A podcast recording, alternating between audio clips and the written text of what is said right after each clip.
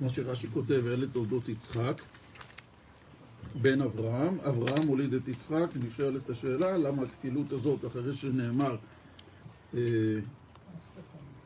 יצחק בן אברהם, מוסיף לאחר מכן הפסוק, מלבד זה שזה יצחק בן אברהם, אז גם אברהם הוליד את יצחק. ורש"י מפרש למה זה, כדי לתת מענה לליצני הדור, שאמרו ששרה התעברה מאבימלך, וכך נולד יצחק, אז הקדוש ברוך הוא יצר את פלסתר פניו של יצחק דומה לאברהם, וכך נסתתמו הטענה הזאת של ליצני הדור.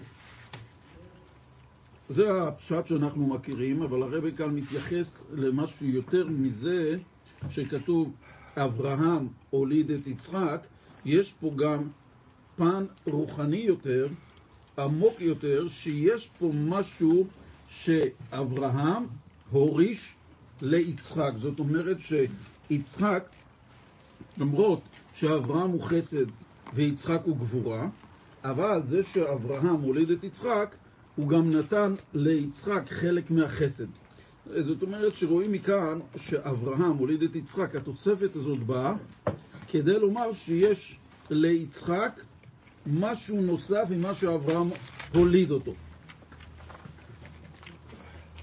וגם בהמשך מסביר הרבה בעצם איפה כאן הקשר הרוחני בין אברהם לבין יצחק, כאשר אברהם הוא חסד ויצחק הוא גבורה, ואיפה יש את החיבור ביניהם ולמה יש צורך בין אחד לשני, ומה כאן בעצם אברהם הוליד אצל יצחק, ולכן יש את ההסבר, לכן הפסוק נוקט ביצחק, אברהם הוליד את יצחק, ויש לזה, הדגש הוא על המילה הוליד, מכיוון שאברהם בהולדה של יצחק הוסיף לו משהו מבחינתו, שזה יהיה ככה העניין של, שיהיה גם ביצחק. לכן יש את שני הפסוקים האלה.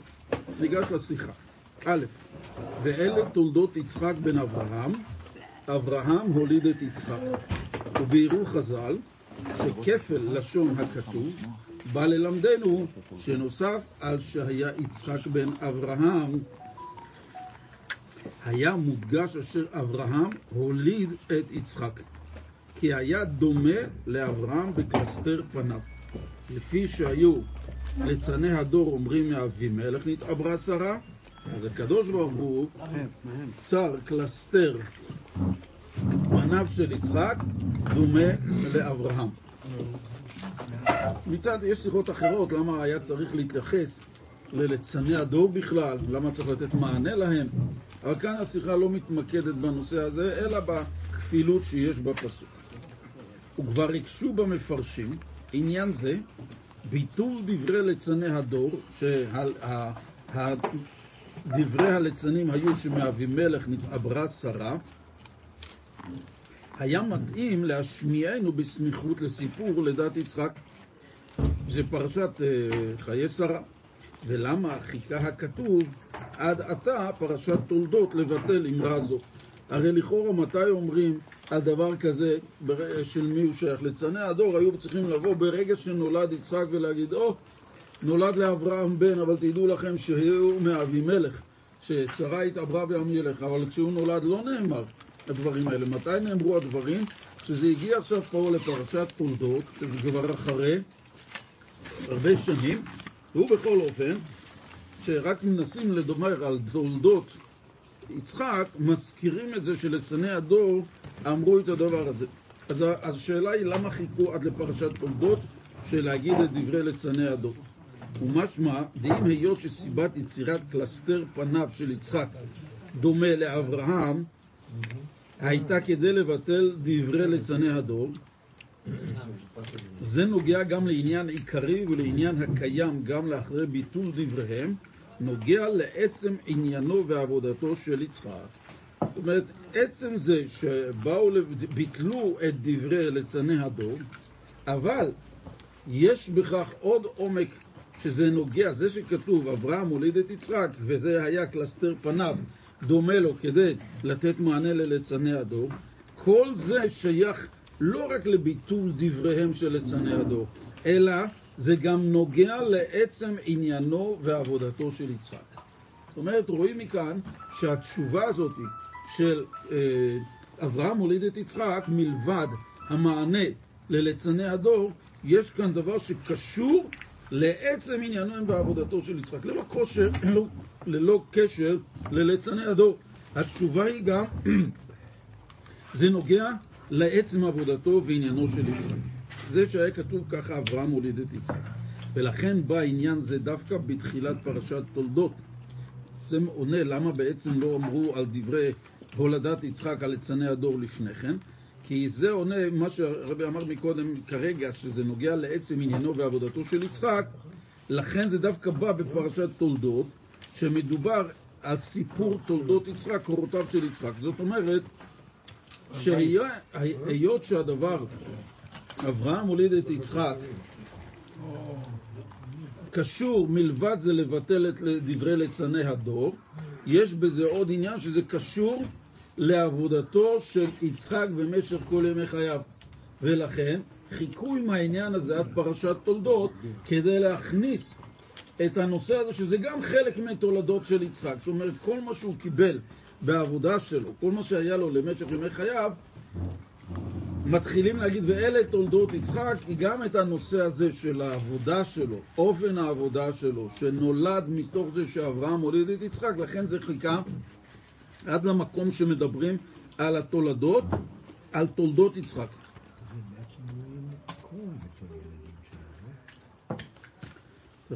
בפרשת, אומר הרב, בפרשת חיי שרה, המדובר הוא, למה לא הזכירו את זה בפרשת חיי שרה? כי בפרשת חיי שרה מדובר בהמשך לענייניו של אברהם. מפרשת ויצא מתחיל הסיפור על דבר יעקב. ופרשת תולדות הוא סיפור קורותיו של יצחק. ועד שאחד מהפירושים, ואלה תולדות יצחק, הוא ילדי, הוא ילדי ימיו וקורותיו. הרבי אומר את זה במאמר המוסגר, ששם למה זה לא נאמר? מכיוון שבפרשת חיי שרה היה מדובר עניין של אברהם, ולאחר מכן עניין של יעקב, וזה לא היה עניין שקשור ליצחק, לכן זה לא הוזכר שם. וזוהי הדגשת הכתוב שבסיפור ענייניו של יצחק, תולדות יצחק. נוגע לדעת, לדעת שאברהם הוליד את יצחק, שיצחק דומה לאברהם. עד כאן היה עניין של הסבר למה בעצם יצחק, תולדות יצחק, אברהם הוליד את יצחק היה קשור פה דווקא בפרשה הזאת, כדי להראות שעבודתו של יצחק קשורה לעניין של אברהם הוליד את יצחק, בתוך זה, במשפט הזה, במספר מילים האלה, אברהם הוליד את יצחק, מדובר על עבודתו של יצחק במשך כל ימי חייו, ולמה לא הזכירו את זה לפני כן בפרשות אחרות? כי מדובר פה על תולדות יצחק, שמין סיכום על, לגבי יצחק, שמזכירים גם את הנושא הזה של זה קשור בעבודתו של למשך כל ימי חייו. העניין המהות של, אברהם, של יצחק, תכף נראה מהי המהות של יצחק עד שהוא דומה לאברהם. ב', בנוגע לעניינו, לעניינו ועבודתו של יצחק, מצינו דבר והיפוכו. ידוע שמידתו של יצחק היא מידת היראה. איך כתוב לגבי יצחק? ופחד יצחק, שזה עניין של יראה, עניין של גבורה, שזהו ההבדל, המילה הפרש היא מבלבלת מכיוון שזה תרגום לא נכון, שזהו ההבדל בין עבודתו של אברהם לשל יצחק. עבודת אברהם, מה ההבדל? עבודת אברהם היא ממידת האהבה והחסד, שעליו נאמר אברהם אוהבי, אהבה זה חסד. ושל יצחק מידת היראה והפחד. אמנם לאידך, כמה עניינים ביצחק מורים על קשר ושייכות למידת האהבה והחסד. עכשיו, אנחנו מהמילה הזאת, אברהם הוליד את יצחק, למרות שיצחק הוא עניין של פחד, גבורות, בכל אופן, אברהם הוליד את יצחק, שרוצה להדגיש שגם ביצחק נמצאת גם העניין של אהבה וחסד שבאים מאברהם. א', אז איפה רואים את הקשר והשייכות למידת האהבה והחסד של יצחק? א', תחילתו, מתחיל בזמן הלידה של יצחק. אמרו חז"ל, בפסח נולד יצחק. וידוע אשר שלוש הרגלים הם כנגד שלושת האבות, פסח, שבועות וסוכות. פסח כנגד אברהם, שבועות כנגד יצחק, וסוכות כנגד יעקב. אז נמצא שמה? אברהם זה אצלו, זה פסח. ומתי נולד יצחק? גם בפסח. אז יוצא שנמצא שלידת יצחק הייתה ברגל שכנגד אברהם, שזה פסח. למרות שהחג של שבועות זה כנגד יצחק, אבל היות שיצחק נולד בפסח, שזה הרגל הקשור לאברהם, זה מראה על הקשר הראשוני ביניהם. אלא מפני, הוא מובן בפשטות שאין זה במקרה, אלא מפני שכן הוא הדבר מצד תוכן עניינה של לידת יצחק. שוב, אברהם הוליד את יצחק, לא מתייחס רק לנושא הפיזי, אלא גם לנושא הרוחני. ומכיוון שמציאותו של יצחק דומה לאברהם, אהבה וחסד, לכן גם לידתו כפשוטה הייתה ברגל של אברהם. זאת אומרת, מכיוון שגם אצל יצחק, שהוא דומה לאברהם, ומה זה דומה לאברהם? שאברהם, המידה שלו זה אהבה וחסד, אז גם יצחק דומה לאברהם בזה שהוא נולד בחודש ששייך לאברהם. יצחק נולד בחודש ששייך לאברהם. זה אופן אחד. מה הנושא הנוסף שקשור בין יצחק לאברהם? ב', שמו. יצחק הוא מלשון צחוק. על שם צחוק עשה לאלוקים. מה עושה צחוק? מאיפה הוא נובע? צחוק הוא תוצאה של שמחה. זה נגזר מתוך שמחה, זה עניין של שמחה. ומה זה שמחה? היא תנועה שהיא ההפך ממידת היראה והפחד של יצחק. ואף על פי כן נקרא יצחק בשם המורה על שמחה. זאת אומרת שצחוק זה עניין של שמחה, תנועה הופכית, אז גם השם שלו קשור, תכף נראה שמה זה עניין של שמחה, שזה עניין של אהבה ונתינה, של חסד, שזה מביע מתוך זה גם עניין של שמחה. ג' כללות עניינו ויגדל האיש עד כי גדל מאוד, זה גם תכלית החסד והגדלות. גם האות ג' מראה את הקשר בין יצחק לאברהם. ד' והרבה את זרעו, ויגדל האיש נאמר על מי? על יצחק. ד' והרבה את זרעו, ויגדל האיש, עד כי גדל מאוד. למה זה חסד? עניין של נתינה, יש פה עניין. שהקדוש ברוך הוא נתן לו לארג'. חסד זה עניין של ריבוי, של נתינה. לארג'. כן, ההפך, אם היה עני, אז זה עניין שמתאים לו, כי זה עניין של צמצום וגבורה. אבל זה שהוא נתן לו מלא, זה מראה שבעצם יש לו את הצד של קבלה, שהוא בעצם הגדלות, התפתחות, התפשטות. לארג'. לא, זה עניין של התפשטות, התפתחות. לארג'. ד' והרבה את זרעו על ידי אשר ויתן לו את יצחק. זה גם הולך על עניין של... אה, זה גם הולך על הסיפור של אברהם, שגם מראה על הקשר ליצחק, והרבה את זרעו, אצל אברהם אבינו נאמר את זה, איך? הוא ירבה את זרעו ויתן לו את יצחק. זה רואים מכאן שוב, אברהם הוליד את יצחק, שזה לא, לא, בדיוק, זה לא רק העניין, שוב, זה לא רק עניין הפיזי, יש פה עניין של החיבור של אחד לשני. ועוד, מראה במראה. עוד ג' לכאורה היה אפשר לבאר זה על פי הידוע בזה שהעבודות של אברהם ויצחק היו בשני קווים שונים וגם הופכים. הכוונה בזה ש... אני אקדים משהו כאן כדי להבין את האות הזאת. לכל אחד מאיתנו הרי יש עשר כוחות נפש. גם ליצחק יש עשר כוחות נפש וגם אברהם. אז מה רואים? שיש מידת הרחמים, חסד, גבורה, תפארת. מה רואים אצל אברהם? אז מה אצל אברהם יש רק חסד? מה עם עוד תשע כוחות הנפש שלו? ואצל יצחק יש רק גבורה? אז מה, אין עוד כוחות נפש? אלא כאן מדובר על זה, אצל כל אחד מאיתנו, איזה כוח או איזה ספירה שבה הכוח הוא יותר דומיננטי. זאת אומרת, הוא יותר פועל, הוא יותר מרכזי אצל האדם. אחד יכול להיות שהוא, יש לו את כל המידות, עשר כוחות הנפש, אבל מה? מידת החסד אצלו היא יותר פועלת מאשר הפועלת. זה נקרא שהוא דומיננטי בכוח הזה יותר המידה מאשר גוברת. כוחות... אה? המידה הגוברת על הכל. זאת אומרת, זה המידה שהיא אצלו, הוא לא צריך לגבור. הוא נולד עם האופן הזה שמידת החסד אצלו היא המידה הדומיננטית יותר, הפועלת יותר, הבולטת יותר, ולפי זה אפשר להגדיר אותו, אבל לא אפשר להגיד שאין לו עוד תשע כוחות נפש כמובן. אז אצל אברהם מידת החסד הייתה הדומיננטית, ואצל יצחק המידה הייתה של גבורה. זאת אומרת, היו לכולם את אותו דבר, אבל היה להם עניין של מה יותר פעיל, מה יותר בולט מבחינת המידות. ג' לכאורה היה אפשר לבאר זה על פי הידוע, זה שהעבודה של אברהם ושל יצחק היו בשני קווים שונים וגם הופכים. הכוונה בזה שעיקר עבודתו של אברהם הייתה במידת החסד, אבל לא שהייתה מוגבלת רק בה, אלא הייתה כלולה גם במידת הגבורה והיראה. כמפורש אצל אברהם, עתה ידעתי, הנה רואים כאן גם אצל אברהם, למרות שהוא היה חסד, רואים שהיה לו גם גבורה, כי הקדוש ברוך הוא אמר עליו בעקדת יצחק, עתה ידעתי כי ירא אלוקים אתה.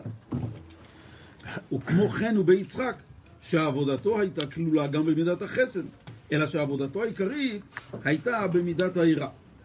ועל פי זה יש לפרש. זה שאמר הכתוב אברהם הוליד את יצחק, שהקדוש ברוך הוא צר קלסתר פניו של יצחק דומה לאברהם, הכוונה בזה לא רק לתואר פניו הגשמי, שכל ליצני הדור ראו את זה, שאמרו, אה, בטח הוא דומה לו שתי טיפות מים, אלא מאי? אלא גם לקלסתר פניו הרוחני, כלומר מידתו ועבודתו של יצחק. הוא בא ללמדנו כי בעבודתו של יצחק ישנה עבודת אהבה ששייכת לאברהם גם. אמנם לכאורה אין זה ביאור מספיק, כי מאחר ששמו של יצחק בפי כל ותמיד הוא על שם השמחה דווקא, על כן צריך לומר שזהו עיקר עניינו של יצחק. זאת אומרת, אם, אתה רוצה להגיד ליצחק... לא עיקרם. כן, אבל לכאורה זה נראה שיצחק אה, היה אמור להיות פחד יצחק שזה גבורה. אבל מצד שני, מה אנחנו רואים? שהוא מבטא דווקא את העניין של השמחה, עניין שדומה לאהבה, עניין שדומה לחסד. אז לכאורה, אצל אברהם זה עניין של חסד, מצד שני רואים שגם יצחק זה עניין של חסד. זאת ועוד, מוסיף הרבה לשאול, ידוע חילוק. איך? להעיר ממאמר חז"ל. אברהם, דכתיב אלה תולדות יצחק, בן אברהם אברהם. אוקיי, יפה. זאת ועוד, ידוע חילוק בין גילה ושמחה.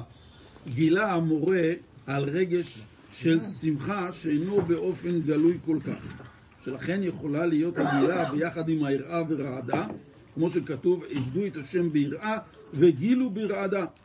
זאת אומרת, יש, מה ההבדל בין גילה לבין שמחה? זה כמו עניין של מה ההבדל בין יראה לבין פחד. אז יראה, מסביר אלתר רבי בפרק ב' בתניא, פרק ג', שיראה זה עדיין שאדם, יש לו את היראה שזה במוח, שזה עניין של יראה שכלית. והפחד זה עניין שכבר בא ברגש, בלב. על דרך זה גם גילה ושמחה. גילה זה עניין של תחושת רננה, תחושת שמחה, אבל פנימית עדיין. אבל מכיוון שהיא פנימית, פנימית היא יכולה גם לבוא ביחד עם יראה. זאת אומרת, הפסוק אומר, עבדו את השם בשמחה, וגילו, עבדו את השם ביראה וגילו ברעדה. זאת אומרת שהדבר הפנימי של יראה ושל גילה יכול להיות עדיין נשאר בפנים. אז מה, ומה, אז מה שמחה עושה? השמחה, מה שאין כאן שמחה, היא שמחה גלויה. ולפי זה מה שנקרא בשם יצחק, על שם הרגש הגלוי של צחוק, מורה לא רק על הגילה הכלולה במידת היראה וגילו ברעדה, כי אם על השמחה הגלויה דווקא. ומזה מובן, נסיים את רגע את האות, שזה שיצחק דומה לאברהם אינו רק מצד התקללות המידות זו בזו, שגם בעבודת יצחק כלולה מידת אהבה, אלא שהשמחה הוא עניין מיוחד ועיקרי ביצחק. עד עכשיו רצינו להראות שיצחק זה מידת הגבורה, ואברהם זה עניין של חסד. אבל בכל אופן, אצל כל אחד יש את המידה שלו. אצל יצחק המידה, המידה הדומיננטית זה יראה, פחד, ואצל אברהם זה עניין של חסד. אומר פה הרב, רגע, רגע, רגע. זה לא מחייב לפי מה שנראה, למה?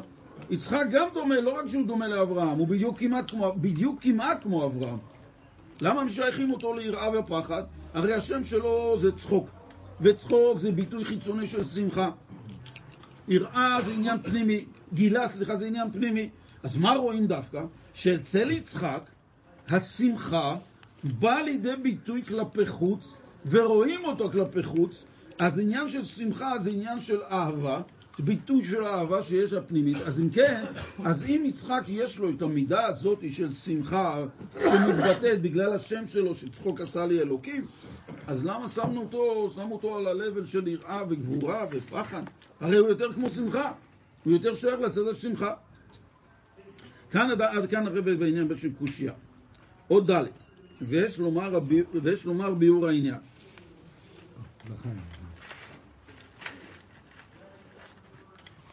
מהחילוקים שבין אהבה, שזה מידתו של אברהם, ליראה, מידתו של יצחק, מה זה עניין של אהבה?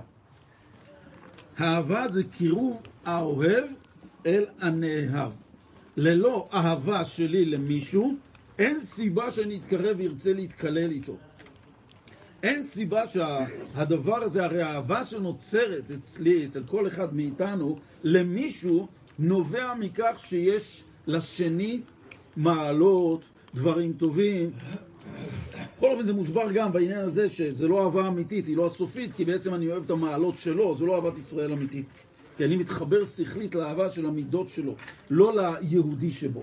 אבל זה דבר אחר. אבל כאן מתייחסים לעניין של אהבה, אני אוהב את הזולת, מכיוון שהוא טוב, רחמן, איש חסד, חבר טוב. לא משנה, אני... אבל כדי שיהיה, תתפתח אצל האדם אהבה לשני, צריכה להיות אצל השני סוג של דברים שמושכים אותי אליו. מושכני אחריך נרוצה, שזה עניין של אהבה. בעצם ככה זה בעצם צריכה להיות, עניין של אהבה זה קירוב של האוהב אל הנאהב. שאין בה, מה, מה הבעיה עם האהבה? אהבה אין בה התבטלות לשני. אני אוהב אותו, אבל כמציאות שנייה ממני. אני לא בטל אליו. אני אוהב אותו, אבל אני לא מתבטל בזה שאני מבטל את המציאות שלי כלפיו. ההפך אפילו אפשר לומר, שהאהוב מגדיל את המציאות שלי, מכיוון שמה? אני אוהב לאהוב אותו. טוב, סליחה דני, אבל כדי להתייחס אליו אני צריך לצאת מעצמי, זה גם סוג של ביטוי. זה, זה עניין יותר שאני מחפש את ההרגשה של האהבה, אוקיי? זה אהבה אינטרסנטית. זה אהבה עם אגו, זה מכיוון שמה? טוב לי לאהוב אותו, אוקיי? אז אני נהנה מסוג האהבה הזאת.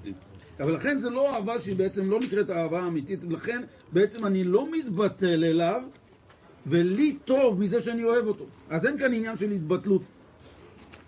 אדרבה, זה מה שהרבי אומר, באהבה מורגשת מציאות האוהב שהוא נעשה קרוב. המציאות ש, של האוהב, שבעצם אני שאוהב את מישהו, נעשה יותר קרוב אל השני, מה שאין כן יראה. זה לגבי אהבה, וזה שמחה. אבל מה העניין של יראה? יראה, אדם מתבטל כלפי מישהו, מאבד את תוקפו, מציאותו כלפי זה שירא ממנו. אדם שיש לו יראת הרוממות, יראת הכבוד, יראת העונש, כל עניין של יראה שמישהו אחר יכול לעשות לי בגלל שהוא מסוגל לעשות דבר, אז אני ירא ממנו, אני מתבטל אליו. זה יכול להיות רק, לא רק, זה, יש את היראה הנמוכה שזה יראת העונש. אבל יש את יראת הרוממות מול הקדוש ברוך הוא, שמצד גדולתו של אדם מסוים, צדיק, אדמו"ר, רבה, כל מה שעומד מול מבחינת הרוממות שלו, אז אל אחד כזה האדם מתבטל. דוגמה לדבר, הרב נותן דוגמה בין בן ועבד. היחס בין בן לאביו יסודו בעיקר ברגש האהבה שביניהם.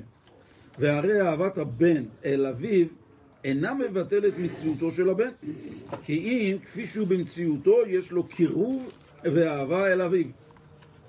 מה שאין כן, היחס של העבד לאדונו קשור בעיקר ממידת היראה, יראת העבד מאדונו, שעניינה ופעולתה הוא הביטול שמקבל עליו את עול אדונו וכפוף ובטל אליו.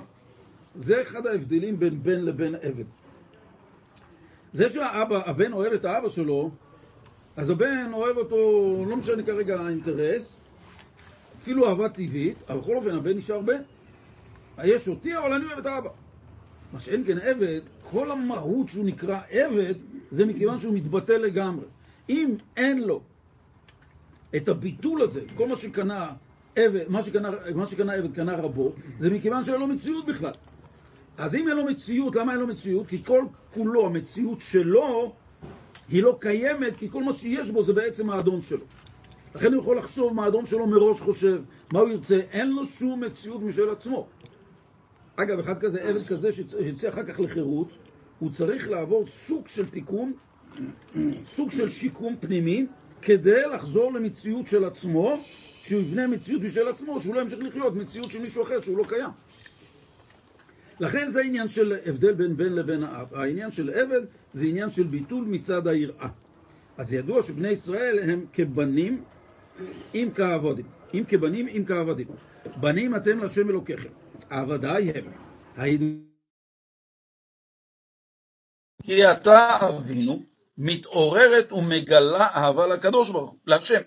וההתבוננות בזה שהקדוש ברוך הוא מלכנו מעוררת ומגלה היראה והביטול. זאת אומרת, כלפי הקדוש ברוך הוא אנחנו משיגים שני דברים במחיר אחד. יש לנו גם את האהבה, מצד שאנחנו בנים לשם, לשם ולהשם, ומצד שני, יש לנו גם הוועדה ההם. יש לנו גם את העניין של אהבה לקדוש ברוך הוא, אבל יחד יראת הרוממות, אנחנו גם בטלים, מתבטלים כלפיו כהבת כלפי האדון שלו. אז מה החילוק בין שניהם? אז החילוק הוא בין שתי המידות הללו, אהבה השם ויראתו, בפעולות שלהם בנפש האדם. האהבה מעוררת התקרבות האדם לקדוש ברוך הוא. היראה פועלת באדם הרגש הביטול והשפלות לפניו יתברך. זאת אומרת, אהבה שאוהבים מישהו, כמובן שרוצים להתקרב אליו, רוצים בטובתו. האהבה היא בעצם עד כדי כך שהאדם מחבק את השני, רוצה להרגיש אותו מכיוון שהוא מה? מכיוון שהוא אוהב, זו התנועה של האהבה שהיא רוצה להתבטא בחיצוניות על ידי משהו מעשי גם. והעניין של יראה נובע מכך שזה יכול להיות מצד הרגש הביטול, מצד גדולתו של הקדוש ברוך הוא, אבל זה ביטול ושפלות לפניו. המילה שפלות מטעה הרבה, אין מדובר על אדם חלילה שיעשה מעצמו אסקופה הנדרסת. אין הכוונה שבן אדם ישפיל את עצמו בפני עצמו כמה אני אפס, כמה אני דפוק, כמה אני לא ראוי, כמה אני צריך עוד תיקון, כמה אני צריך ניסיונות, כמה אני וכמה אני. זה דבר מסוכן שמביא את האדם לעצבות. לא לזה השפלות הכוונה. השפלות הכוונה היא שהאדם מתבטל מצד גדולת הזולת. פה במקרה הזה גדולת הבורא. כשבן אדם מגיע להתבוננות ומתבונן בגדולת הבורא, עצם גדולתו של הבורא בעיניו הופכת אותו להיות נמוך קומה רוחנית. זה עניין של מה? שפלות פנימית והתבטלות מול דבר עצום שבן אדם מצליח לחוש ולהרגיש את גדולתו. מצד זה הוא מתבטל. אבל לא חלילה מצד זה, שההפך, הוא יכול להגיע, אני גם זכיתי לעבוד את הקדוש ברוך הוא. אני, האדם הנמוך הזה, כדי שאדם יגיע למצב של התבוננות כזאת נכונה, לראות את השפלות, הוא צריך להסתכל יותר ולהתבונן וללמוד גדולת הבורא. שלא יתעסק עם שפלותו, כי זה יכול לעבור באופן אוטומט. ברגע שאני מכיר מישהו כזה גדול, הוא, אני לא צריך לעבוד על ההתבוננות של עבודת הנפש שלי להתבטל בפניו. זה בא מצד שאני מכיר את גדולתו, לומד אותה, ממילא זה פועל אצלי התנהגות. אז לא צריכה להיות, ההתחלה היא לא צריכה להיות משפלות האדם. לכן אנחנו יכולים להסתכל בגדולת הבורא ואז שפלות האדם. השפלות באה כנגזרת מגדולתו, בהתבוננות של האדם בגדולת הבורא, מוליד אצל האדם עניין של שפלות. מראה את בעצם יראת הרוממות. אות ה', והנה במידת הביטול והשפלות מצינו, שלא זו בלבד שצריכה להיות הזהירות שהאדם לא יעשה על ידי זה אסקופה הנדרסת חס ושלום, אלא עוד זאת שהביטול משמש גם כן הכנה והכשרה להתקרבות לקדוש ברוך הוא. איך הדבר הזה נעשה? כלומר, אין מטרת היראה והביטול שהאדם יבוא לידי מסקנה שהוא אינו כלום ותו לא, אלא אדרבה, שמכיוון שהוא בטל, ביכולתו להתקרב לקדוש ברוך הוא. זאת אומרת מה? הביטול הזה, מה גורם לאדם?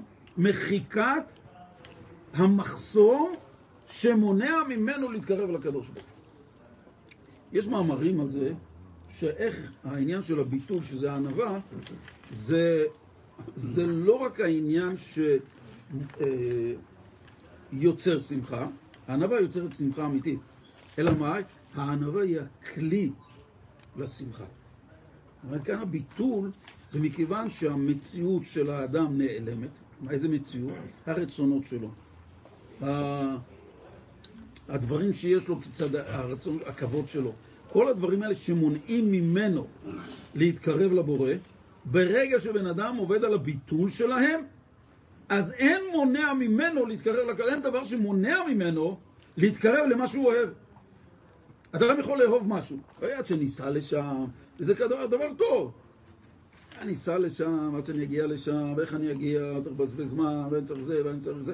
כל המניעות האלה גורמות לו לא להתקרב לדבר שהוא אוהב. אבל נניח שבן אדם, כל הטענות האלה לא קיימות, הוא מרגיש את הדבר עצמו, הוא מרגיש את האהבה של הדבר, ואין משהו שמונע ממנו להרגיש את הדבר שהוא אוהב, מה זה גורם לו? תיסע כמו קפיץ לדבר שהוא אוהב, להתחבר אליו. על דרך זה, זה מה שהרב אומר, שמה העניין? הביטול של האדם, זה אפשר לדבר על זה ימים. הרי אחד היסודות של החסידות זה הביטול. התבטלות, מה זה ביטול בכלל? מה מבטלים? ואיך מבטלים? ואיך אני יודע שאני מבוטל? מבוטל? יש שאלה, ענב יודע שהוא ענב? אם ענב יודע שהוא ענב, הוא בעל הגאווה שלו הכי גדולה. הוא מרגיש שהוא ענב. פעם היה איזה סיפור כזה של אה, איזה, באיזה עיירה ליטאית, היה שם אחד שבעל תורה, באמת תלמיד חכם, אבל הוא רוצה שכולם ידעו שהוא גם ענב. אז מה הוא עשה? כל יום, ש... יום שישי או במשך השבוע, הוא היה הולך למקווה של העיירה, והיו שם כאלה שבאים לטבול ולהתקלח, והוא היה בא ומסתובב אצל כל אחד ואומר לו, אתה רוצה סבון? אז הוא אומר, לא, לא, לא, כבוד אני, כאילו, אני לא יכול להשתמש בתלמיד חכם. ואיזה גדולה, הוא בא ויורד, ככה מצד... אתה רוצה מגבת? לא, לא. ככה הוא עובר כל הזמן, אף אחד לא רוצה להשתמש בו. והוא אומר, איזה ענב, איזה ענב. כל העיירה ידע שהוא הענב של העיירה, והוא ממש איזה. פעם נכנס לשם איזה חסיד, לא יודע מה, מחבדניק, לא חבדניק, אבל חסיד, כזה, כזה פיקח, והוא רואה את היהודי הזה, מה עושה? אז היהודי, התלמיד חכם הזה בא אליו, אמר, אורח, שהוא לכם וזה, הוא כבר הבין את הרעיון מה הולך אצל האיש הזה, הוא אמר לו, אה, אתה רוצה סבון? הוא אמר לו, כן, תביא סבון. קח סבון. רגע, הוא אומר לו, אתה רוצה שאני אשפשף לך את הגב? הוא אומר, כן, אשפשף את הגב. הוא אומר לו. אחר כך הוא אמר, אתה רוצה מגבת? כן, תביא מגבת. אתה רוצה שאני אנגב אותך? כן, בטח, נגב אותי. למה לא? אה, הוא אומר התלמיד חכם, אה, הוא כנראה לא יודע שאני הענף של העיירה. השימוש של אדם יודע שעצמו שהוא ענב, אז זה כמובן האגו הכי, הכי גדול. ענב לא יכול להגיד על עצמו שהוא ענב, כי רק הביטול הפנימי זה דבר שלא מרגישים את עצמך, אז הוא מכונה, לא שהוא מכנה, הוא מכונה ענב. לא שמישהו מכנה אותו ענב. זה יכולים לראות עליו אחרים, אומרים, תשמע, אתה ענב. אומר, כן, נכון, אני ענב. לא, זה מצב כזה. ברגע שמישהו אומר לשני, אתה ענב, הוא לא יודע על מה אתה מדבר. אם אתה אומר לי, אני ענב, ואני לא יודע, אין לי את תחושת הגאווה שלי, אז אני לא יודע על מה אתה מדבר, שאני ענב, לא ענב. אם הייתי עוד מבין שאני ענב, אז אני בכלל לא ענב. אז אם כן רואים מכך שהביטול, שזה הענבה של אי מציאות האדם, אי אחיזת האגו של עצמו, זה גורם להתקרבות לקדוש ברוך הוא, מכיוון שאין מונע. האגו הוא אחד הדברים המונעים ביותר מהאדם, למה? כי האגו זה הרגשת המציאות שלי. האגו זה נותן לי להרגיש את מי שאני, את הרצונות שלי, את התחביבים שלי, איפה אני רוצה להיות, איפה אני זה, מעליבים, לא מעליבים, כבוד, לא כבוד. כל זה המציאות שמונעת מהאגו שלי להתבטא. ואדרבה. כן. יש כזה דבר בסוף... אה, בכל. כן. בסוף הגמרא שמה, אל תגיד שבטל אה, זה וזה, כי יש אותי. אל תאמר בטלה ענווה, והיא כענה.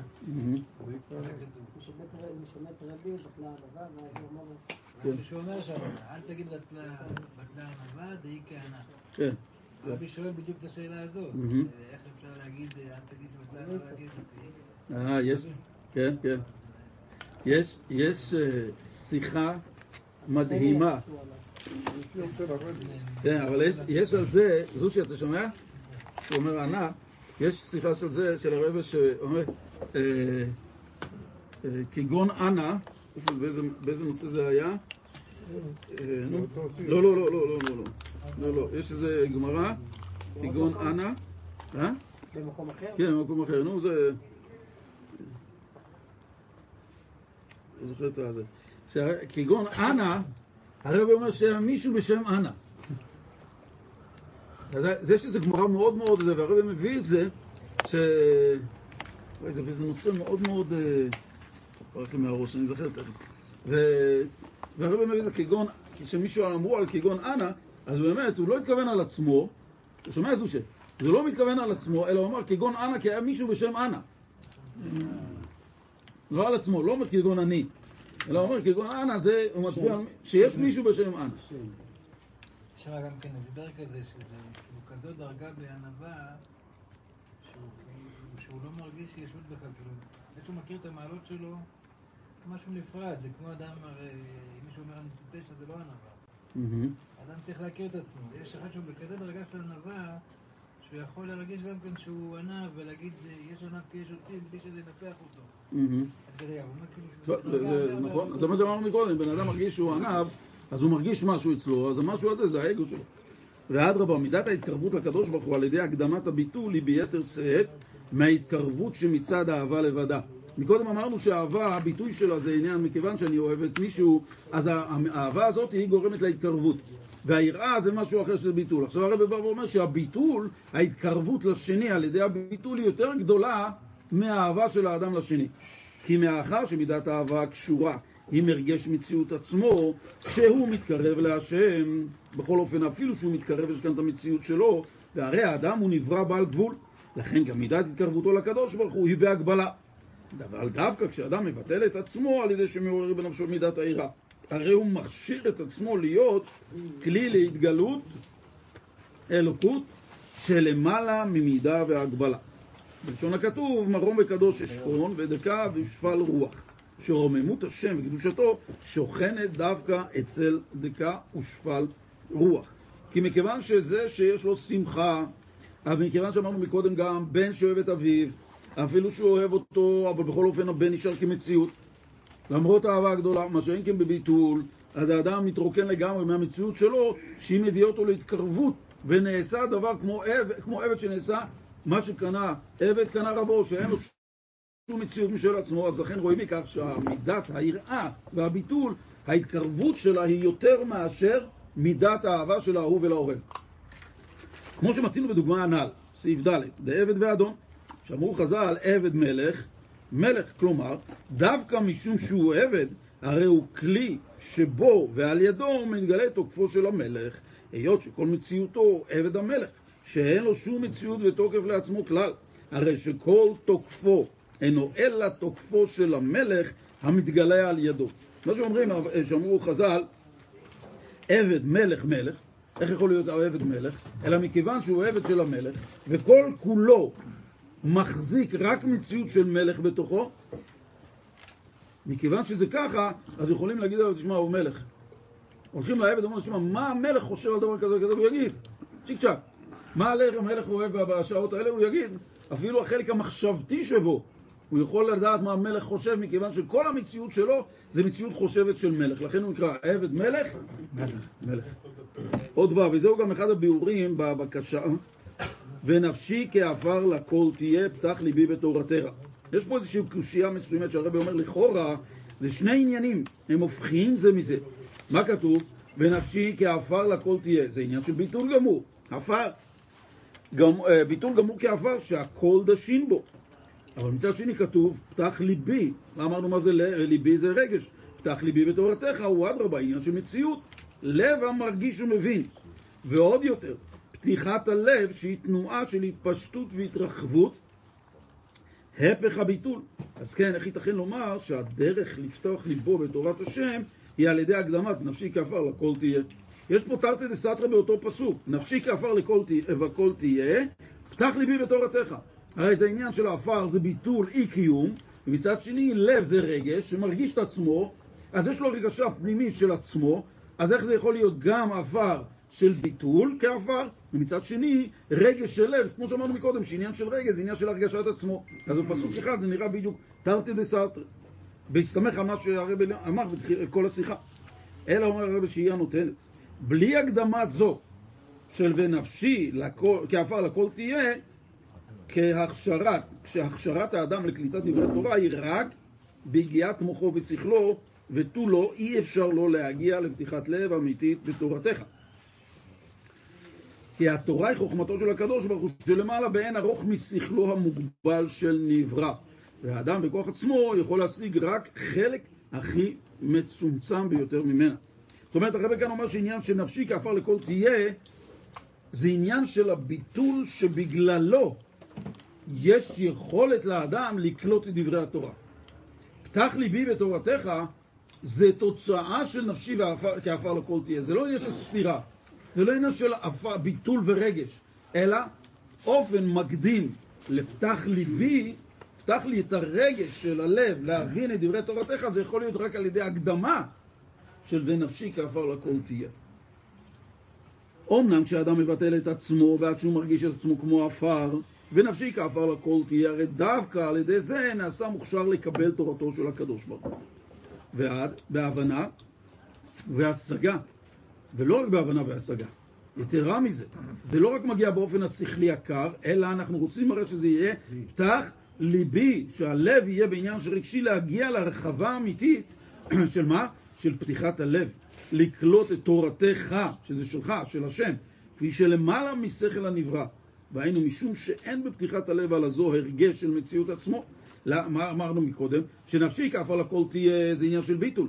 אבל אחר כך יש נפשי, ופתח ליבי בתורתך זה עניין של הרגש, שאדם מרגיש את עצמו.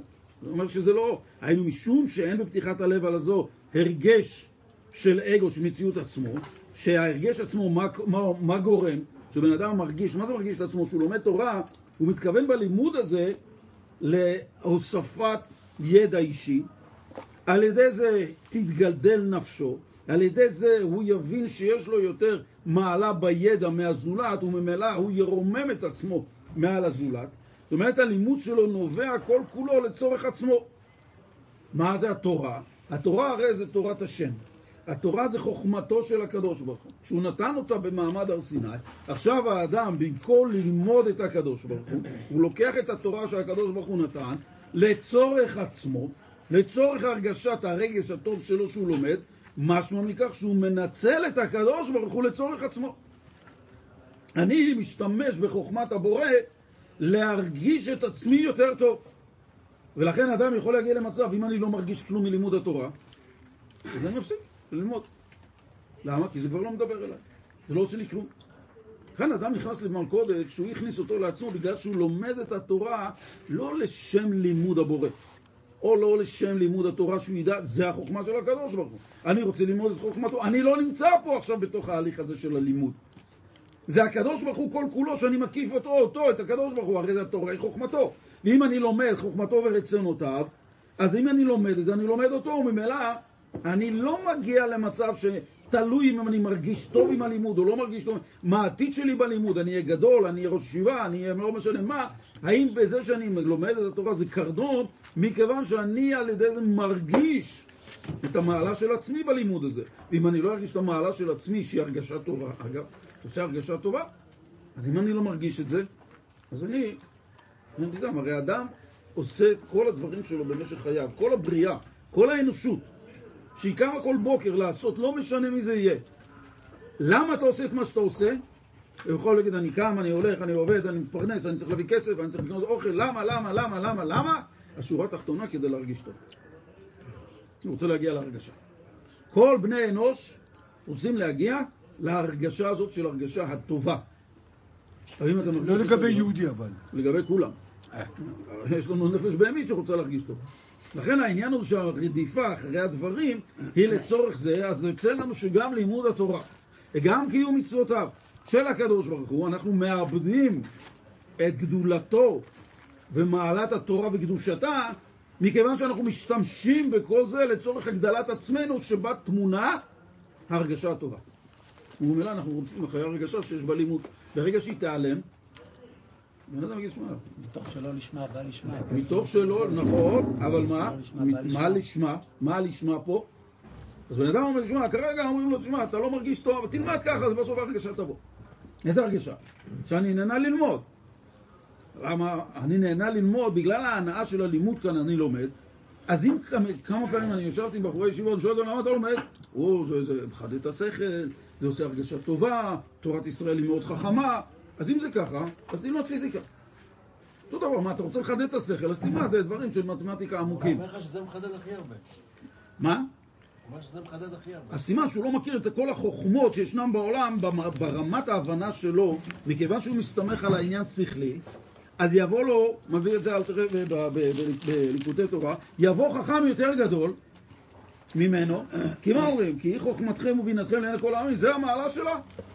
אז בסדר, יבוא מישהו יותר גדול, אם אתה מדבר על שכל, ויראה לך דברים באותות ומופתים שכליים, יותר ממה שאתה לומד. אבל הוא יודע שהתורה היא החוכמה הכי נעלית. שוב, בזה שהוא אומר החוכמה הכי נעלית, הוא צריך להגיד במה החוכמה הזאת היא נעלית מכל דבר אחר. במה? זה שהוא יודע להגיד סו- אה, שור שנגח את הפרה ויכול להסביר את זה עם כמה מפרשים וכולי, אז הוא יכול לעשות איזה פלפול אחד עצום, או שני יעשה שני פלפולים על מה שהוא עשה.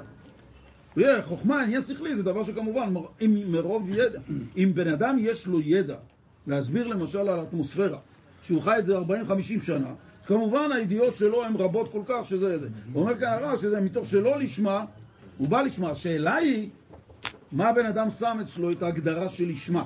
מה זה אצלו הלשמה? האם כרגע שאני בא ללמוד ואין לי חשק, אז אומרים, תשמע, יבוא לך החשק הזה על ידי האוכל יבוא התיאבון. אז אם כן, מה, הבן אדם יודע שהלשמה זה בסופו של דבר שהוא צריך ללמוד מתוך חשק. למה? כי זה עושה לו טוב. אז זה הלשמה מבחינתו. אומר רבנו, זה הלשמה. ההרגשה שהוא מחפש בלימוד זה הלשמה. וכאן הטעות היא שאם בן אדם לא מגיע לזה, או שהוא מאבד את הרגש הזה במשך השנים, אז הוא מפסיק. למה? כי בשכל יש הנאה ותענוג כאשר הוא פותר משהו שהוא מעל השכל. זאת אומרת, היה לו קושייה, עדיין הוא מתמודד שכלית עם הדבר, מתי הוא נהיה מאושר שהוא הצליח לפתור את הסוגיה. עכשיו, הפתרון הזה יכול לבוא גם על זה, זה שיש לו פאנצ'ר והוא יודע איך לפתור אותו. על ידי זה שיש לו איזשהו דבר שהוא צריך לעשות והוא מצליח בו. זה לא משנה. זה לא ההגדרה שבלימוד תורה, זה מה שאני אומר. אנשים שלומדים באופן הזה, אז הם יש להם כזה, וואי, איזה מתוק זה היה. איזה קשה, והצלחתי לפצח את הדבר. נכון, מה פיצחת? פיצחת, תרגיל שכלי. תרגיל שכלי, מכן למה? מכיוון שהיה לך לפני כן גדר של נעלם, בא השכל וגילה את הנעלם, וכל דבר שהיה אצל כל בן אדם, מה שנמצא בנעלם ומתגלה, הוא משמח- הוא אותו. אז מה היה לו לפני כן? היה לו הלם, בא השכל גילה לו את זה, השכל הזה בגילוי של זה נגרם לו שמחה. אז מה הוא אומר? תשמע, איזה שמחה יש בלימוד התורה. זו שיחה שכלית. דרך התרגיל, קח, תשבץ, תפתור אותו, יהיה לך את אותו שמחה, להבדיל, כן? ככל שזה יותר קשה ותתרגל, יתנו לך דרגות יותר גבוהות בתשבצים או בכל מיני חידות, אתה יותר ויותר תפתור את זה. ורואים את זה על כל, על כל אחד, שבעצם יש לו איזה משהו קשה שהוא מצליח לפתור אותו, הוא שמח. למה? כי שוב, היה לו דבר בהלם, השכל בא ופתר את זה, גילוי השכל בפתרון מביא את העניין של שמחה אצל האדם. ולכן הסכנה בללמוד תורה באופן הזה, זה דבר שמביא את האדם בסופו של דבר לעניין של לימוד שלא לשמה. לא התכוונתי שתעזוב. אנחנו רק דיברנו כאן... אה. אוקיי, עוד זין. על פי כל הנ"ל יש לומר גם בנוגע ליצחק. היראה של יצחק הייתה הכנה והכשרה לשמחה ופתיחת הלב ועבודת השם, הבאה על ידי הקדמת הביטול. הנה, חזר הרבי כאן עכשיו לעניין של היראה של יצחק, שהיא הייתה בעצם ההכנה, כי אמרנו קודם, הרי מה העניין של יצחק? אם הוא שמחה, ועניין של גילוי שמחה אצלו, אז למה הוא לא נקרא כמו אברהם? זה אותו דבר כמו שיש אצל אברהם. אז הרבי אומר כאן, כמו שהעניין שהיה פתח ליבי ונפשי כעפר לכל תהיה, ובגלל נפשי כעפר לכל תהיה, אלה יש תרבות, פתח ליבי בתורתך, חוזר הרבה גם העניין של היראה של יצחק, היא הכנה והכשרה לשמחה שעליה הוא נקרא. פתיחת הלב ועבודת השם. שהיא באה על ידי מה? הקדמת הביטול שמצד היראה, שזה יותר אמרנו מאהבה. לכן נקרא בשם יצחק מלשון צחוק ושמחה, המורה על התרחבות והתפשטות, עד להתפשטות שאין בה הגבלה, כידוע ששמחה פורצת כל הגדרים. כי ביראה וביטול של יצחק מתגלה תגבורת החיות, הרחבות האמיתית לקדושה, פתח ליבי בתורתך. וזהו מה שמלמדנו הפסוק. ואלה תולדות יצחק בן אברהם, אברהם מוליד את יצחק, שיצחק היה דומה לאברהם. ועד שלידתו הייתה בפסח דווקא ברגל שכנגד אברהם, מאחר שעניינה של עבודת יצחק במידת היראה היא התקרבות לקדוש ברוך הוא, אלא מכיוון שהיא התקרבות בלתי מוגבלת שלמעלה ממציאות הנבראים, הרי באה על ידי היראה והביטול דווקא, שזה יותר מהשמחה. בעניין זה שעבודתו הרוחנית של יצחק היא שמחה ופתיחת הלב, המורה על תנועה של הרחבה הבא לידי ביטוי גם בחייו דנשמה בגוף, ולא רק נשמה בגוף, עד הגשמיות הגוף. שמצינו ביצחק במיוחד הרחבה, גם בגשמיות כפשוטה, ובזה מדובר ברוב הפרשה. תחילת הסיפור, אודות יצחק על עצמו, כאן הרב מסביר, מתחיל להרחיב איפה היה העניין שמדובר על יצחק, לא רק בעניין רוחני, אלא גם בנשמה בגוף, לגשמיות עצמה של הגוף. מתחיל ככה להסביר, תחילת הסיפור אודות יצחק עצמו, היא הציווי, השם אליו, אל תרד מצרימה, גור בארץ הזאת, שאינו אצל אברהם ויעקב, ששניהם יצאו מהארץ. וטעם הדבר מפני שאתה, על יצחק אומר את זה, אתה דווקא עולה תמימה, לכן אל תצא מהארץ. דווקא יצחק נתקדש בקדוש. אחר כך, לברכות נעלות של ברכות יצחק. כי דווקא על ידי מידת היראה והמשכת ההרחבה, תגבור את החיות והשפע של העניין של השמחה, זה עניין של רחבות. העניין של עד כדי ככה רחבות, עד שהוא הלך וגדל מאוד, ועד העניין של במידת האהבה למידה מלמעלה, ולכן הייתה עיקר עבודתו במידת היראה. לפני שהרב ממשיך את זה, אז יש כאלה שמדמיינים את זה, מי שלא לומד חסידות, אז הוא אומר, הקדוש ברוך הוא יש אהבות שהם, הכוונה מכיוון שהדברים מדובר על דברים מוכנים. ואין לנו אפשרות לעשות את התורה, במי היא תלויה? תלויה ברוכב. הם היו בטלים טוטאלית לגמרי לקדוש ברוך הוא, לרצונות שלו. מי הרוכב כאן? הקדוש ברוך הוא, כן, כמובן. הם היו, מה, מה, מה כאן הרב עכשיו מוסיף? הוא אומר שזה שמידת אברהם הייתה חסד, ויצחק היה גבורה, לא אפשר, אי אפשר לומר, לא לזאת הכוונה שהם נולדו עם המידות האלה, הדומיננטיות החשובות, ואיתם הם פיתחו את זה ועבדו את הקדוש ברוך הוא על זה. לא, אלא הרב אומר שמה הם היו כהכלי למידת החסד.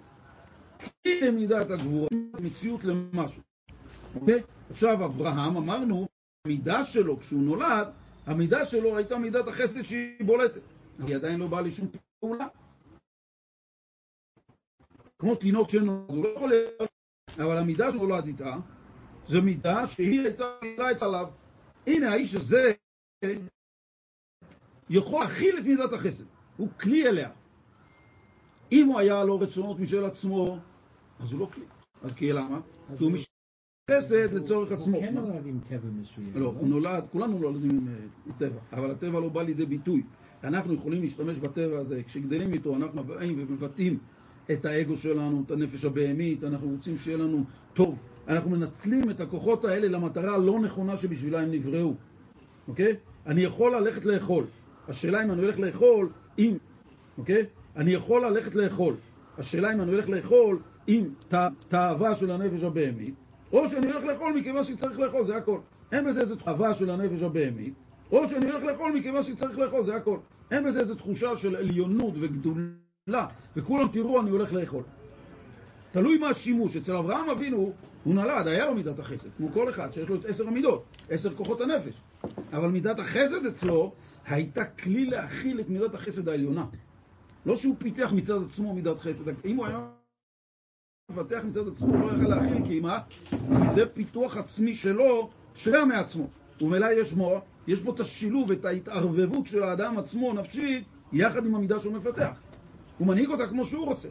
אבל בזה שהוא מבטל את עצמו ואת הרצונות שלו, ואומר לקדוש ברוך הוא, הנה מידת החסד אצלי, כלי דקי, אני לא רוצה שום דבר מצד זה חוץ מהרצון שלך. ומילא, במצב כזה, לאדם אין רצון של עצמו, הוא נהפך להיות כלי ריק בטל בברכת השם. הוא אומר, ברכך השם אלוקיך בכל אשר תעשה, ועל שם דבר בכלי אשר תעשה, אם הכלי מתאים, שורה בו ברכה. ט', והנה בנוגע למידת הגבורה של מעלה, שלמעלה, מבואר שבשום קורה אין עניינה דין וצמצום, שזה מניעת השפעה, אלא אדרבה, גבורה מלשון תגבורת, תגבורת החיות על דרך גבורות גשמים. וההבדל בין מידת החסד למידת הגבורה הוא שמידת החסד, מכיוון שעניינה השפעה אל הזולת, לכן על ידה באה השפעה באופן שיוכל המקבל לקבלה. מה שאין כמידת הגבורה היא השפעה בהתגברות רבה. השפעה שלפי ערך המשפיע, אלא שמזה נמשך ונשתלשל אחר כך עניין הצמצום והגבורה, שזה מניעת השפע כפשוטה, בפרט שהמקבל אין ביכולתו להכיל שפע רב כזה. זאת אומרת, העניין של. של גבורות זה בא יותר מאשר חסד. בגלל שגבורות זה מלשון התגברות, זה בא עוד יותר. בצורה כזאת שזה הרבה הרבה יותר כמו משפיע. משפיע כדי להוריד את מה שיש לו בשכל, הוא צריך לצמצם, הוא צריך ליצור גבורות אצלו, על מנת שיוריד את זה בפירושו שהמקבל יכול להבין את זה לפי שכל המקבל. לאחר מכן המקבל צריך לעלות לדרגת המשפיע, אבל כדי שהוא יוכל לקבל את מה שאצל המשפיע, המשפיע אצלו זה מוכנח הכל בצורה של הרחבה, אבל אצל השני הוא לא יכול לקבל את זה, אלא אם כן הוא מצמצם, המשפיע מצמצם את שכלו, מצמצם את העניין עם משלים ועוד משלים, כדי שהמקבל יוכל להבין את העומק שבדבר. דרך זה גם עניין של גבורות.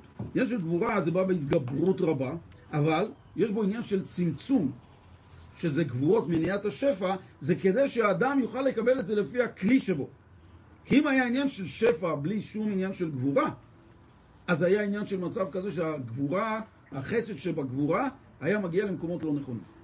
לכן יש את ההגבלה של הגבורה, שזה נותן את הצמצום של השפע, מכיוון שאדם לא דווקא יכול להכיל את כל השפע שיש בגבורה. גבורה זה תגבור את השפע. ונמצא שלא זו בלבד שעניין הגבורה והדין שלמעלה אינו בשביל הדין עצמו חס ושלום, כל מטרת הדין הוא רק חסד, כידוע בעניין מושי התורה, שאין מטרתם העונש עצמו חס ושלום, אלא כדי למרק ולזכך את האדם עד שיתכפר לו החטא, שלכן כל התורה, כולל ענייני העונש שבה נקרא תורת חסד. אלא עוד זאת, שעצם מידת הגבורה שלמעלה, בשורשה ומקורה, אינה עניין של דין ומניעת השפע, אלא אדרבה, תגבורת השפעה דווקא. יש uh, במים של מים רבים, שהוא עניין של טרדות הפרנסה, מים רבים לא יוכלו לכבות את האהבה, באו ליקוטי תורה שזה עניין של תגבורת, מים רבים, שבאים בצורה כזאת של uh, זרימה מאוד חזקה. אומרים שמה, אם בן אדם ישים, יעצור את הזרם הזה, ישים איזשהו סכר מסוים, אז המים יבואו, יבואו, יבואו, יהיו ככה במצב כזה של זה. יש עכשיו צמצום של השפע. החומה הזאת גורמת לצמצום של הזרימה, להאט את הזרימה שהיא לא תהיה בתגבורת. אבל מה קורה שמסירים את הגבורה? השפע מתגבר עוד יותר. זאת אומרת שמה? הגבורה, החומה, יצרה מצב שיהיה עוד יותר שפע שירד בגללה. הסרה של הגבורה מגלה כמה שפע היה טמון בתוכה עצמה. אות י' אחרונה, ומשתי מידותיו בדבר החסד וגבורה, נשתלשלו ונמשכו באדם שתי מידות דאהבה ויראה בעבודתו יתברך. ממידת החסד דלמעלה, שהיא השפעת חסדו יתברך, שלפי ערך הנבראים ואשר ביכולתם לקבל, נמשך באדם הרגש, הרגש האהבה. כי כאשר מרגיש חסדו של הקדוש ברוך הוא, מים הפנים לפנים, מתעורר האדם להתקרב אל השם. זה לגבי אהבה, אם האדם מקבל משהו מאדם מסוים, אז עצם זה שהוא קיבל ממנו נותן לאדם, לבן אדם המקבל את התחושה של להודות לשני, תודה רבה, אני מודה לך, מתבטא, לא, בא אליו בצורה כזאת של הודאה, שהוא מרגיש את החסד. על דרך זה הקדוש ברוך הוא, שהוא נותן את השפע בעולם, אז הוא מרגיש שהשפע הזה בא, גם אם זה בדרך חבר שלו, גם אם זה בדרך אדם, לא משנה דרך מי. הוא קורא בזה שזה בעצם, זה כמובן שזה מגיע מהקדוש ברוך הוא. ומידת הגבורה דלמעלה, שזה תגבור את ההשפעה של למעלה מדידה והגבלה של הנבראים, מעוררת באדם את הרגש היראה והביטול, שעל ידי לקבל גם תגבור את השפע. על דרך מה שנתבהר לעיל, שהביטול דנפשי כאפור לכל תהיה, היא כלי לפתח ליבי בתורתך. הרי מובן שאין מידת היראה של יצחק, זה עניין הופכי ממידת האהבה של אברהם. שהרי עניינה ותכליתה של היראה והביטול הוא כדי שתאיר אצלו תגבורת החסד שלמעלה, ויתקרב אל השם ביתר שאת ויתר רעה. אז כן, הרב תופר עכשיו את כל העניין. לפני כן שאלנו מה? שאברהם הוליד את יצחק זה לא רק עניין של גשמיות, אלא מדובר פה על עניין שאברהם הוליד את יצחק, שיש בתולדה של יצחק חלק מתוך העבודה הרוחנית של אברהם. וזה מה שהוא הוליד אצל יצחק, את העניין של הגבורה, אבל בתוכה מה? נפשי כעפר לכל תהיה שזה ביטול, ובגלל זה יהיה העניין של הרגשה לאחר מכן, שזה דבר שמוביל דבר. על דרך זה שכאן הוא אומר שאין מידת העירה של יצחק, היא נופכים מידת אברהם, היא מידת של אהבה. כאן אנחנו רואים בעצם את הסיכום שאברהם, שזה גבורה, יצחק, שזה גבורה, לא מבטא סתירה לאהבה של אברהם. למה? כי כל העניין, הרי מה בא קודם? היה אברהם. אברהם היה עניין של אהבה. אבל אהבה הייתה מצד שהייתה מוגבלת. היא הייתה מוגבלת לפי כוח הנבראים. אחרי שנולד יצחק, וזה עניין של גבורה, אז הוא גרם לתקבורת השפע מאת הקדוש ברוך הוא שהייתה אצל אברהם, הוא גרם לתקבורת שפע שבאה מלמעלה מכוחות הנבראים. אבל מכיוון שיש צמצום בכל אופן, אז זה מגיע לאדם לפי יכולות שזה למעלה מידת האהבה של אברהם. אברהם המשיך חסד מהקדוש ברוך הוא. יצחק בא והמשיך חסד יותר גבוה. אבל זה בא לי היראה שהיא בעצם מה? פותחת יותר את מה שהיה אצל אברהם. אברהם היה לו עניין של אהבה מוגבלת לפי כוח הנבראים. יצחק בא ופתח את האהבה על ידי היראה שהייתה בו, שזה תגבורת של גבורה שהיא מושכת, מביא שפע לעולם יותר ממה שאברהם מביא. כי הוא בעצם גילה את הפנימיות, כמו איסורים. איסורים זה שבן אדם יודע שאשרי הגבר שתייסרן. זאת אומרת, מה, יש אנשים בדרגתם שיודעים, בואו בואו על האיסורים, שמה, אנשים ידעו שאיסורים זה חסד כל כך גבוה, שהוא לא יכול להתבטא בעולם כפי שהוא חסד, שהוא מצטמצם כדי, עד כדי כך שהוא מתבטא בצורה מצומצמת כמו איסורים. אבל לכן צדיקים יודעים את החסד שטמון בזה, ולכן הם מקבלים את האיסורים באהבה, שאומרים מכיוון שבתוך האיסורים מתגלה אהבת האור של הקדוש ברוך הוא. היא רק באה בצורה מצומצמת. זו הטעם שדווקא אצל יצחק מצינו עניין הברכה בריבוי, שלא מצינו אצל ברכות כאלה, לא באברהם ולא ביעקב. כאן נזכר להם כי דווקא על ידי מידת היראה ליצחק נמשכת תקבורת השפע של, של למעלה ממידה והגבלה. ברכת רב טוב לבית ישראל כרוב חסדיו. רב טוב גשמי ורב טוב רוחני, ובגשמיות וברוחניות גם יחד, וטוב הנראה והנגלה דווקא למטה מעשרה טפחים כפשוט וממש. עכשיו קיצור, מה מה פה? מה קיצור? מה קרה? לא היית פה. מה הפוינט? הסתבכתי.